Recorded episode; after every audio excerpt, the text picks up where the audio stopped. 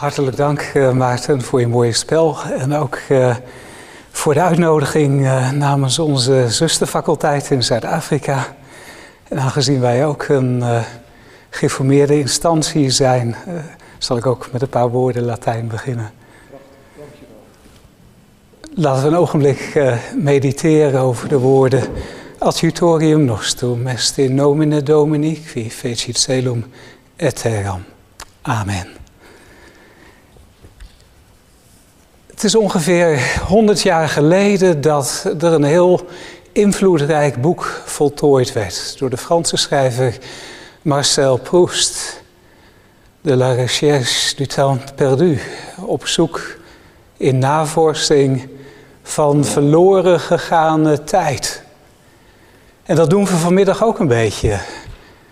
1500, 1600 jaar terug in de tijd naar Ambrosius, wij met ons levensverhaal.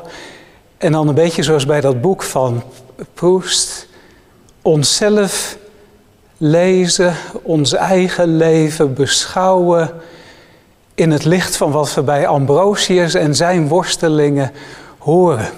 Vanmiddag wil ik met u zo'n worsteling delen. U meetrekken met een verhaal van zijn leven, waarover andere mensen een mening hebben. Nu ben ik behalve betrokken bij de patristiek en de klassieke oudheid ook nog ethicus. En ethische vragen, dat is iets wat ons aanspreekt door de eeuwen heen. Was die man echt? Meende hij het? Of was het een hypocriet die carrière maakte op kerkelijke erf? Dat soort vragen zijn de afgelopen jaren, met name de afgelopen 30 jaar, opgekomen over ons voorwerp van onderzoek. Ambrosius, zijn verhaal en dat van ons. Er valt een heleboel over te zeggen wat historische context betreft. Vanmiddag is daar de tijd niet voor. Daar hoop ik nader op in te gaan in het uiteindelijke verhaal voor de bijdrage. Maar vanmiddag heel concreet die vraag: kunnen we Ambrosius vertrouwen als christen en als kerkvader? Wie nader inzoomt op het leven van Ambrosius, ziet in het begin van zijn kerkelijke loopbaan, zeg maar rond 374, een opvallende ontwikkeling. De kerkvader die werd in heel kort tijdsbestek verkozen en uh, tot bisschop. En toen moest er nog van alles gebeuren, want hij was theoretisch niet eens gedoopt en niet eens christen. Ongedoopt, geen lid van de kerk en al helemaal geen diaken of priester. Geen enkel kerkelijk ambt. Toch was hij, als we de oude bronnen mogen geloven, binnen een week niet alleen gedoopt, maar ook gewijd tot bisschop. Geen nieuweling, zegt de apostel Paulus opdat hij niet opgeblazen worden en in het oordeel des duivels vallen. Ja, dat is de richtlijn die het apostolisch christendom hanteert. Een aspirant christen dopen en de volgende week tot bisschop wijden is juist iets waartegen Paulus waarschuwde. Hoe is het mogelijk dat er bij Ambrosius een dermate grote uitzondering op de regel gemaakt wordt? Als je daar aanvankelijk naar kijkt, dan lijkt pragmatisme de doorslag te geven. Bestuurlijke bekwaamheid en een goede reputatie.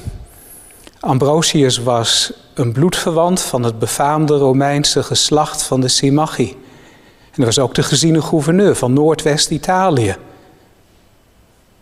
Hij was een charismatisch bestuurder die op sympathieke wijze in gesprek ging met verschillende partijen. En deze uitstraling maakte hem geschikt voor bisschop in de ogen van de Milanezen, de inwoners van Milaan. En dat viel in die tijd ook zo'n beetje samen met de kerk. Daarbij was Ambrosius een vermogend man, wiens familiekapitaal nagenoeg helemaal aan de kerk van Milaan ten goede kwam. En het is zeer wel mogelijk dat nog, nog voor de aanvang van dat ambt er een dergelijke verwachting bestond bij de bevolking in het licht van het christelijke armoede-ideaal. Als we Ambrosius kiezen, dan is de kerk nooit arm. De kerkelijke kanonieke afspraken van die tijd die bevestigen dat men wist dat de wijding tegen het geldende kerkrecht was.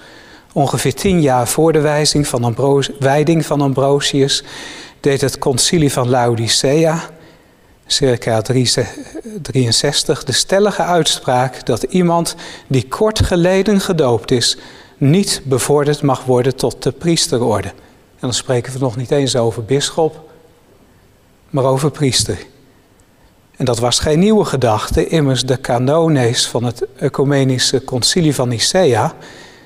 En als reformatorische en westerse katholieken zijn we gewend om die eerste vier concilies ook te erkennen. En vooral Nicea, 325, die hadden dit reeds nadrukkelijk verboden. Nihil de inceps tale fiat. Zoiets mag in het geheel niet gebeuren, hadden de vaderen letterlijk gezegd. Ik citeer, want ook voor de catechumenen is het tijd nodig en een langere beproeving na de doop. Want het apostolisch geschreven is duidelijk, en daar wordt diezelfde Paulus aangehaald door de vaders van Nicea. Geen nieuweling, opdat hij niet door de macht van opgeblazenheid in het oordeel en de strik van de duivel valt. Kerkrechtelijk, van ons uitgezien, was de wijding van Ambrosius dus onwettig. En vanuit de Bijbel klopt het al even min. Toch lag de zaak gecompliceerd, want wie Ambrosius' persoonlijke situatie in Milaan rond zijn verkiezing tot bisschop nader beschouwt, ontdekt dat hoewel hij nog niet gedoopt was, hij wel op categorisatie zat en blijk gaf van een goede geloofsovertuiging en onbesproken leven. De verkiezing was duidelijk een geval van overmacht. Het was niet iets waar Ambrosius nou voor gesolliciteerd had of zo. Nee, integendeel, hij wilde zelf niet maar zwichtte uiteindelijk voor de druk van keizer Gratianus. Die was keizer van 367 tot 383. En wat de Bijbelse vereisten voor een bisschop betreft, Ambrosius was gelovig en voldeed aan de meeste kenmerken die Paulus noemt in de brief van Timotheus.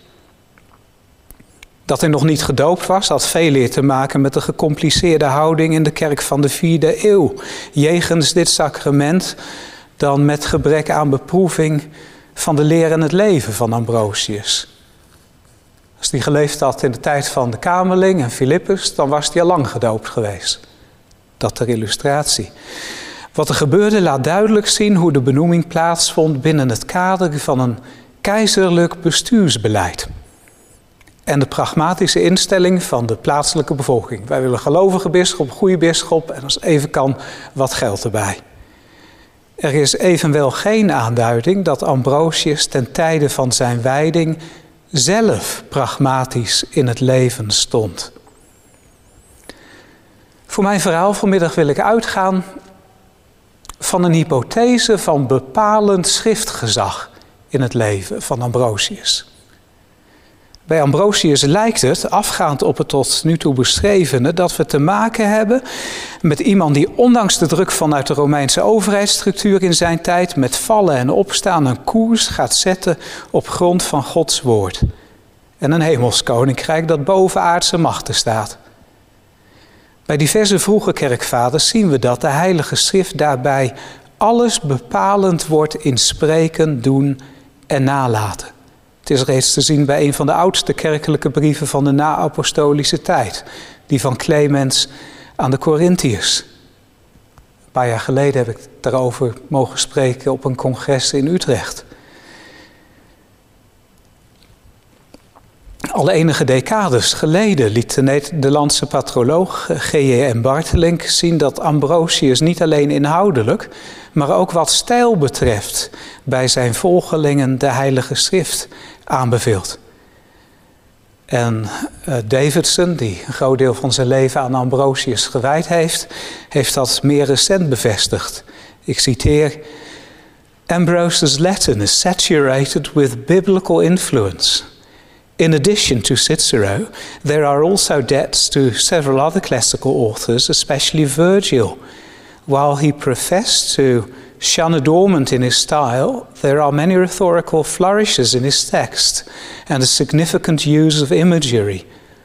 Overall, however, His preoccupation is to sound biblical and to commend biblical material to his readers. Het werk van Davidson en Bartelink is dus een indicatie dat we met een hypothese van bepalend schriftgezag bij Ambrosius de goede weg in lijken te slaan. Maar er is ook een andere hypothese die opgeld gedaan heeft in de afgelopen drie decades. Die van een gewiekst manipulator en politicus. Ja, dat neemt niet weg dat Ambrosius door zijn bestuurlijke ervaring en familieachtergrond, politieke strategie en bekwaamheid om mensen voor zijn doelen in te spannen, meekreeg. Hij kon zichzelf niet wegcijferen toen hij tot het ambt van bisschop beroepen, geroepen werd. Maar in hoeverre was dat dan doorslaggevend? In de jaren negentig van de vorige eeuw bracht, uh, brak Neil met de tot dan toe heersende consensus en stelde Ambrosius voor als een gewiekst manipulator en politicus. Deze benadering zoekt naar een hogere waarheid achter het prima facie getuigenis van de vroege bronnen. Eigenlijk alle vakwetenschappen hebben daar een tijd mee te maken gehad, dus misschien is dit ook voor een tijdje. En dat staat of valt dan met haar voorveronderstelling. Wat in de geschriften van tijdgenoten of in de werken van de kerkvader niet overeenkomt met de hypothese. Jill Harris, die diezelfde school is toegedaan, die spreekt zelfs van Ambrosius als een bisschoppelijke godfather. Dus een soort maffiafiguur. Wat dan met die hypothese niet overeenkomt in de primaire bronnen, dat wordt dan aan de kant gezegd als, als latere inkleding of dat de kerkvader daarmee bedoelt zelf een bepaald beeld te scheppen dat natuurlijk niet zo is, maar hij zegt het maar omdat hij die indruk wil geven. Wat overblijft is een, ik citeer, late Roman bishop, eloquent, manipulative, ruthless, A gambler for high stakes in an uncertain world. Ja, dat is bijna Ambrosius 20e eeuwse politicus geworden. Hoewel de benadering van McLean een verfrissend element heeft door een totaal ander perspectief en wetenschappelijke dapperheid toonde door het doorbreken van de consensus, dat is altijd moeilijk, berust hij toch vooral op voorveronderstelling. Het is de vraag of de tijdgenoten van Ambrosius het ook zo zagen. Of dat zij alle op een gewiekste wijze gemanipuleerd waren zonder het zelf door te hebben.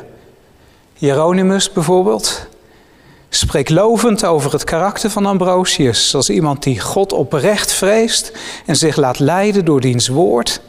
En dit contrasteert Hieronymus specifiek met materialistische overwegingen, vleierijen mensen naar de ogen zien Hoewel hij later een negatieve houding aannam ten opzichte van Ambrosius, was dat niet vanwege diens opportunistische karakter, maar vanwege dat waar professor Baas zojuist over gesproken heeft. Dat het af en toe wat te erg de allegorische kant uitgaat en die de Bijbel niet uit, uitlegt of gebrekkig exegetisch vermogen vertoonde in de ogen van Hieronymus.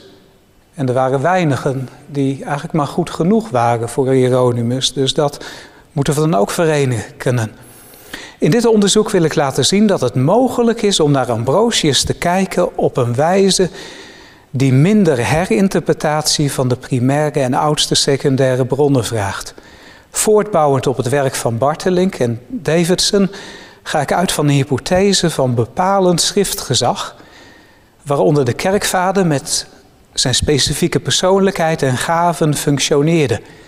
Met andere woorden, ik wil laten zien dat Ambrosius als bisschop niet alleen dacht als een opportunist, maar dat hij zich principieel in zijn denken en handelen onder hoger gezag stelde.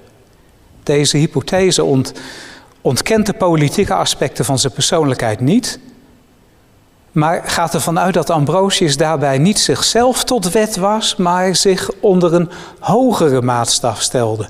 Waarin hij niet slechts andere geestelijke, maar ook zichzelf mat. Vanmiddag gaan we die hypothese toetsen aan wat waarschijnlijk het beste geschrift is van Ambrosius om dat bij te doen. Hij heeft namelijk een boek geschreven over de ethiek. En het zal u gaan opvallen tijdens dit congres dat diverse lezingen van spreken, zonder dat ze dat bedoeld hebben, toch aan elkaar verwant zijn en elkaar aanvullen en voortbouwen. Want Ambrosius die bouwt voort op de Stoa, ook in zijn ethiek. Het boek van Ambrosius dat zich aandient bij uitstek als het gaat om schriftgezag in de praktijk is De Officiis. Dit is ten diepste een ethisch geschrift en het behandelt de plichtenleer en is daarom uitermate geschikt om te zien door welk gezag het menselijk handelen zich moet laten leiden volgens Ambrosius. De Officius van Ambrosius, wij zouden dat plichtenleer noemen, de vereisten van het ambt. En hij schrijft het ook eigenlijk voor geestelijke. Maar Cicero, voorganger, de Romeinse ethicus, stoicus, die schreef het voor zijn zoon, vlak voor, voor zijn dood. De Officius over de plichten van de mens, 44 voor Christus. Net als Ambrosius later schreef Cicero drie delen over de ethiek. Deel 1 is principieel, gaat over waarnaar theoretisch gestreefd moet worden, omdat het eerbaar is. Deel 2 handelt over het maken van persoonlijke carrière, doelen op materieel gebied en wat praktisch voordelig is. Deel 3 bespreekt potentiële conflicten tussen het principe en de praktijk. En dan is het hele belangrijke om te onthouden dat bij Cicero het ideaal is dat praktisch voordeel slechts op een eerbare wijze bereikt moet worden. Dus carrière en glorie, al dat soort dingen, mag nooit een doel op zichzelf zijn. En dat krijgt later bij Ambrosius een nog verdere bijbelse inkleding. Maar op zich zat er al iets, al iets schriftuurlijks in bij Cicero, zonder dat hij de Bijbel kende. In die traditie schrijft de kerkvader Ambrosius zijn plichtenleer. Daarbij neemt hij zowel voor de structuur als de inhoud het boek van Cicero als uitgangspunt. Deel 1 van Ambrosius behandelt waarnaar de mens moet streven, wat theoretisch eerbaar is, het decorum. En dan komt er in Ambrosius een heleboel van de schrift naar voren, wat de Heer ons geopenbaard heeft. Deel 2 bespreekt wat praktisch wenselijk lijkt vanuit materieel eigenbelang en wat dan de grenzen zijn enzovoorts. En evenals Cicero bespreekt Ambrosius in deel 3 mogelijke botsingen. Juist dit boek over de plichtenleer is van bijzondere waarde voor onze onderzoeksvragen over de spanning tussen schriftgezag en keizerlijk gezag. Was die Ambrosius echt of manipuleerde die? Hoe ging Ambrosius daarmee om in zijn denken? Want dan laat hij zichzelf zien. Want elke tijd en iedere gelovige die kent pragmatische afwegingen. Ook waar geloofd wordt, maakt men fouten. Om antwoorden te krijgen over hoe Ambrosius in het principieel in het leven stond, is het belangrijk om te vragen naar het gezag waardoor hij zich liet leiden. Wat geeft in zijn denken de doorslag? Was dat keizerlijk gezag of eigen ambtelijk gezag? Oh, of, of nut om verder te komen? Waar Gods idealen dan inpasten voor zover dat ging en de keizer en het volk het toelieten? Of lag dat toch principieel anders? De officiis bevat belangrijke aanwijzingen die moeilijk te verzoenen zijn met opportunisme, maar juist een hypothese van bepalend schriftgezag bevestigen. Aan het begin van de officiis stelt Ambrosius zijn uh, levensfilosofie. Zet hij uiteen. Ambrosius ziet het woord van God als eikpunt voor zijn ambtsbediening als bisschop. En in dat licht, pardon, beziet hij ook zijn opzienersambt in Milaan. De keizer en het volk mogen hem dan benoemd hebben, maar Ambrosius ziet zich niet geroepen tot dienst aan mensen, maar tot dienst aan God van boven. Hij deelt niet in de heerlijkheid van de apostelen, krijgt geen woorden meer uit de hemel op die manier, dat is reeds gebeurd in het verleden. Maar zijn voorrecht in het heden is om dat woord van God door te geven en de kerk daarin te onderwijzen. God is er en hij gaat door met spreken. Er is in dat opzicht een doorgaande lijn van Clemens van Rome, Irenaeus, Clemens van Alexandrië, die sprak van heilige letters en lettergrepen. God is ook nu aan het woord, met u en mij, in de Heilige Schrift.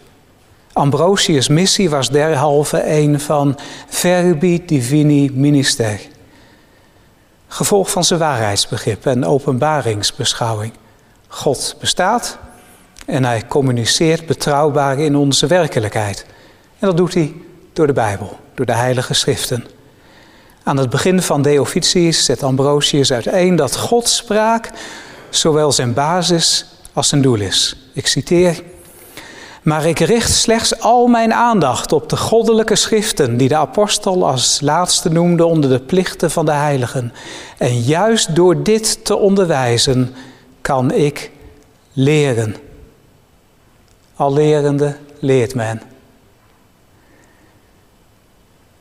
Dit is een focus die Ambrosius niet alleen hier uitspreekt, maar die hij, zoals Bartelink en Davidson reeds hebben laten zien, overal in zijn geschriften bevestigt door zijn benadering. Hij stelt zijn gehele denken onder dit gezag en spreekt dat niet alleen uit, maar wijdt vervolgens zijn gehele leven aan het doorgeven en het uitleggen van de inhoud van de Bijbel. Ambrosius benadert daarom de plichtenleer niet op een filosofische manier, maar op een principieel theologische manier. Dat is ook het grote verschil met Cicero. Eerst vraagt hij zich af of hij er iets mee moet willen, of het denken over plichten slechts bij de filosofische scholen thuis hoort. Zeg maar, wat hebben Athene en Jeruzalem met elkaar te maken? Liever alleen Jeruzalem. Nee, Ambrosius kerstend op een manier de filosofie van Cicero. Of beter gezegd, hij gebruikt een structuur van, van Cicero om bijbelse lading door te geven. Om het evangelie te dienen. Ik uh, citeer over wat Ambrosius aan conclusie doorgeeft over wat hij dan zegt over de Heilige Geest in dit opzicht. Laten we kijken of het past om te schrijven over het onderwerp zelf, of het past om te schrijven over de plichten. Is het slechts geschikt voor de scholen van de filosofen, of kan het ook teruggevonden worden in de Heilige Schriften? Daarom was het mooi dat toen wij vandaag het Evangelie lazen, alsof het diende tot aanmoediging tot, tot schrijven, de Heilige Geest een lezing aan ons gaf die ons juist bevestigde dat ook wij van plicht mogen spreken. Want toen de priester Zacharias zijn spraakvermogen verloor in de tempel en geen woorden meer kon uitbrengen, staat er geschreven: Het geschieden toen vervuld waren de dagen van zijn plicht, van zijn officium, dat hij heen ging naar zijn huis. Wij zeggen derhalve, vervolgt Ambrosius, dat door ons van plicht gesproken mag worden. Zoals Zacharias een taak had voor de Heer in de tempeldienst, zo heeft Ambrosius een taak voor de Heer in de gemeente van Milaan. Dat de Bijbel ook plichten kent voor hen die God dienen, is voor Ambrosius legitimatie om ethiek als onderwerp aan te pakken. Het valt op dat Ambrosius hierbij de goddelijke gezaghebbendheid van zijn gezagsbron benadrukt en spreekt over divine structure. Dat is het einde van alle tegenspraak voor hem, als een matter of course. We lezen het in het woord, dus dan is het zo. Voor een modern westerling kan dit naïef overkomen. Ambrosius dacht echter vanuit een ander wereldbeeld en waarheidsbegrip. In de levensbeschouwing van de kerk waren er twee kernbronnen van de werkelijkheid: ervaring en openbaring. We kennen dat nog in de structuur van de universiteiten vanuit de middeleeuwen. De doctor philosophie, de openbaringskennis en het redeneringsvermogen, maar dan, dan de speciale godsopenbaring, de bijzondere kennis van God in de theologie.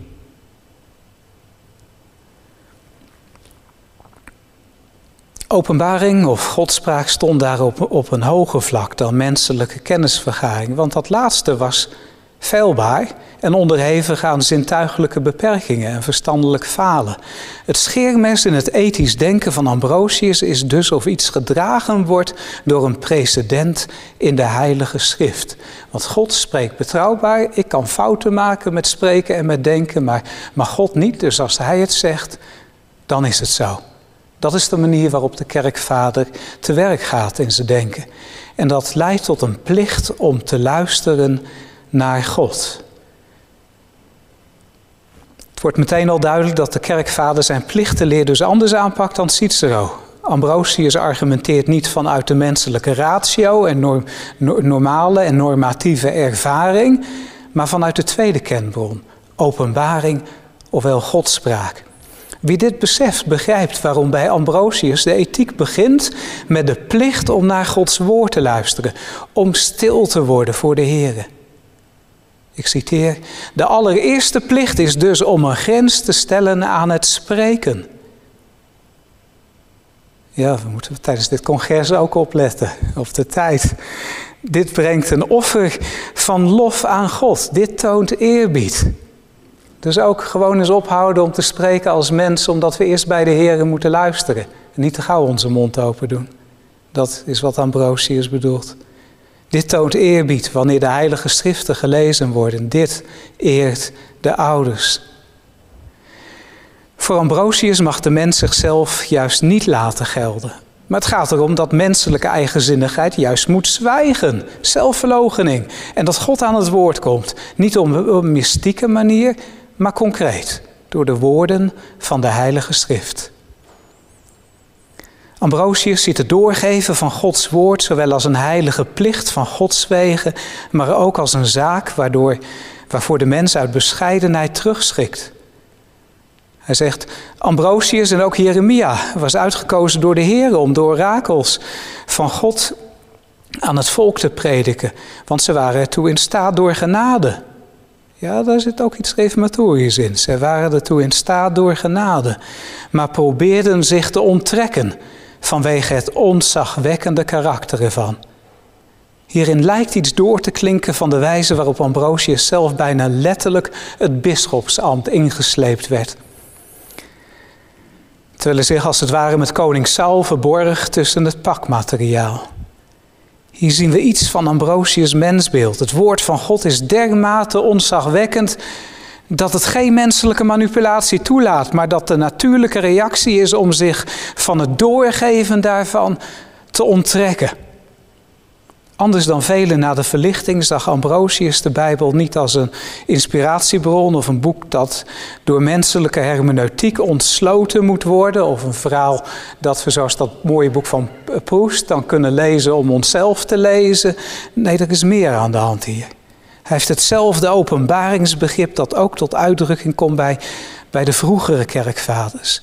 De schrift is voor hem een boek waarin op het moment dat hij het leest, God aan het woord is en spreekt tot hem.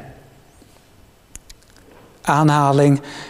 Waarom zou je niet die tijden van die kerkelijke dingen, die van kerkelijke dingen vrij zijn, besteden aan lezen? Waarom zou je niet opnieuw Christus bezoeken, Christus benaderen, naar Christus luisteren? Wij naderen tot Hem wanneer we bidden. We luisteren naar Hem wanneer we de goddelijke orakels lezen. Wat hebben wij met de huizen als, als gezagseenheden van anderen te maken. Eén is het huis dat allen onder zijn hoofdschap insluit. Laten zij die het nodig hebben liever tot ons komen. Wat hebben wij met mythische verhalen te maken? Wij hebben een dienst ontvangen bij de altaren van Christus. Niet om dingen door te geven zodat we mensen behagen. Met nadruk spreekt de kerkvader juist in deze context over Christus, de gezalfde koning, met alle rechten van dien. In de schriften ontmoet hij geen menselijke theologie, maar de Zoon van God, in wiens dienst hij zich gesteld heeft en wiens woord hij wil gehoorzamen. Dat het spreken van de Heer voor Ambrosius de belangrijkste gezagsbron is, blijkt niet alleen uit zijn stellige uitspraken op dit punt, maar ook op indirecte wijze. Wat hij hier stellig zegt, gaat hij later ook in zijn ethiek op een praktische manier doen. In zijn omgang met onderwerpen. De kerkvader vindt het bijvoorbeeld belangrijk voor de ethiek dat verantwoorde vormen van gedrag in de Bijbel terug te vinden zijn. Daarom is Ambrosius aarzelend over het vertellen van grappen. Calvijn was er ook niet echt enthousiast over. Ambrosius die was aarzelend omdat daarvoor een bijbelse basis lijkt te ontbreken. Hij zegt, want grappen kunnen soms eerbaar en aangenaam zijn, toch zijn ze onverenigbaar met de kerkelijke regel. Want als, ze niet, eh, als we ze niet terugvinden in de schriften, hoe zouden we dan gebruik van kunnen maken? Toch komt Ambrosius uiteindelijk dan wel tot de conclusie dat gezien het schriftuurlijk gebruik van humor en fijnzinnigheid ook grappen wel kunnen. Gelukkig maar, want ik hou van humor. Maar alleen functioneel, als dit de boodschap versterkt of verduidelijkt. Niet een grap omwille van de grap. Uiteindelijk komt de kerkvader dus op grond van diezelfde schrift wel uit, maar het moment van aarzeling laat zien dat hij niet vanuit pragmatisme wenst te opereren, maar in trouw aan Gods openbaring. Een andere indirecte wijze waarop Ambrosius aangeeft dat de schrift zijn bron voor gezag is, is de bijbelse manier waarop het filosofisch begrip een nieuwe richting geeft in het licht van Gods openbaring. We zagen al dat de kerkvader van de kardinale deugden het begrip rechtvaardigheid centraal stelt en dat gebruikt als een verbindend begrip. Althans, u hebt dat vanmiddag met mij niet zo gezien, maar dit is het ingekorte verhaal. Maar straks als het boek uitkomt, dan kunt u daar meer over lezen, over de kardinale deugden bij Ambrosius. En dat hij dat, die rechtvaardigheid dan gebruikt als verbindend begrip voor de plichtenleer vanuit het grote gebod. God liefhebben boven alles, je naast als jezelf. Inhoudelijk neemt hij echter ook afstand van het rechtvaardigheidsbegrip van de klassieke filosofie. En dat is een belangrijke. Aanhaling. Maar de belangrijkste rol die de filosofen aan de rechtvaardigheid toerekenen, wordt bij ons buitengesloten.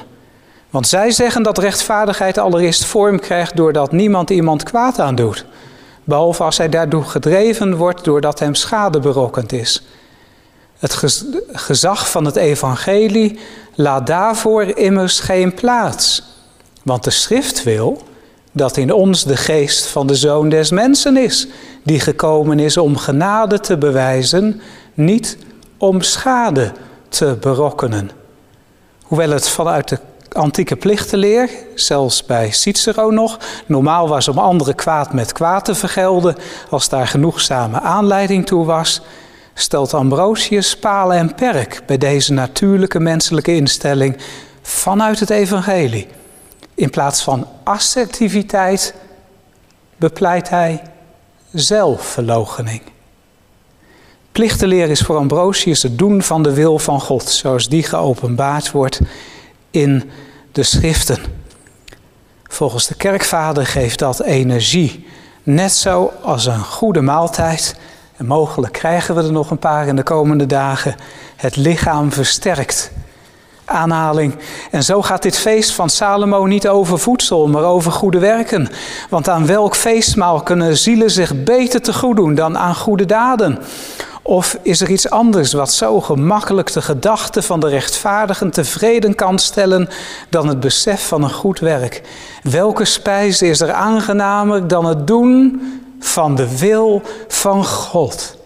Zoals geschreven is in het Evangelie. Mijn spijze is opdat ik zou doen de wil van mijn Vader die in de hemel is. Ambrosius vervolgt, laten we ons in deze spijze verheugen, waarover de profeet zegt, verheugt u in de Heere. In dit voedsel verheugen zij zich die het wonderlijk vermogen hebben ontvangen om hogere vreugden te smaken, die kunnen beseffen waaruit reine geestelijke vreugde voor de ziel bestaat. Laten we dus het brood van de wijsheid eten en verzadigd worden met het woord van God. Want niet in brood alleen, maar in elk woord van God is leven voor de mens die gemaakt is naar het beeld van God. Over de waarlijk gevulde beker met geperste drank, zegt de heilige Job. Zoals de aarde bezig is om uit te zien naar regen, zo verwachten zij mijn woorden. Ik sluit af. Het doel van de mens is het luisteren naar en leven vanuit het woord van God. Daarmee is de drijvende kracht achter de ethiek van Ambrosius beschreven. Hij introduceert de Heilige Schriften als de focus van zijn bediening. Alles is gericht op het kennen en doorgeven daarvan. Morele plichten vragen om bijbelse bevestiging. De eerste plicht van de mens is om zichzelf te verloochenen, te luisteren naar het woord van God. De verkondiging van het woord is iets om van terug te schrikken en die de profeet bepaalt bij zijn eigen zondigheid in het licht daarvan. De schrift is geen godsdienstige reflectie, maar de stem van de levende Heer zelf. Ook het schijnbaar vanzelfsprekende in het leven, zoals humor, dient daaraan getoetst te worden. In plaats van het opeisen van eigen recht, beveelt Ambrosius zelfverloochening aan. De mens vindt vreugde in het leven door het kennen en het doen van de wil van God, zoals die kenbaar is in de Heilige Schrift. Ik dank u wel.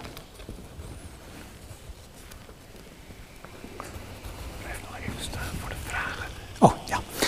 Heel hartelijk dank voor zover. Er is nog ruimte voor vragen. En ik wil graag iedereen uitnodigen die een vraag heeft om die te stellen.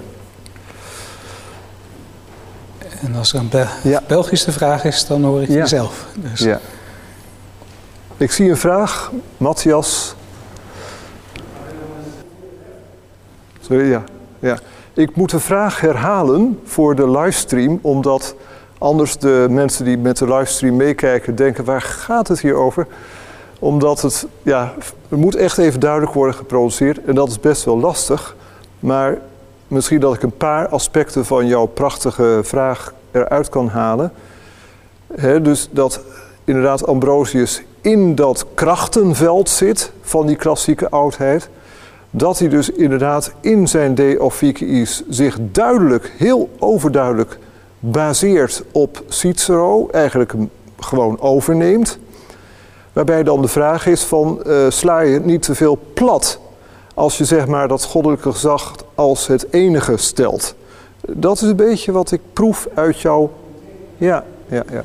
Zou jij daarop kunnen reageren? Ja, daar ben ik voor. Daar reageer ik graag op. Het heeft natuurlijk te maken met de spanning tussen twee scholen hier, die er eigenlijk op neerkomt hoe waarderen we de primaire bronnen. Uh, die waardeert u anders dan dan, dan ik doe.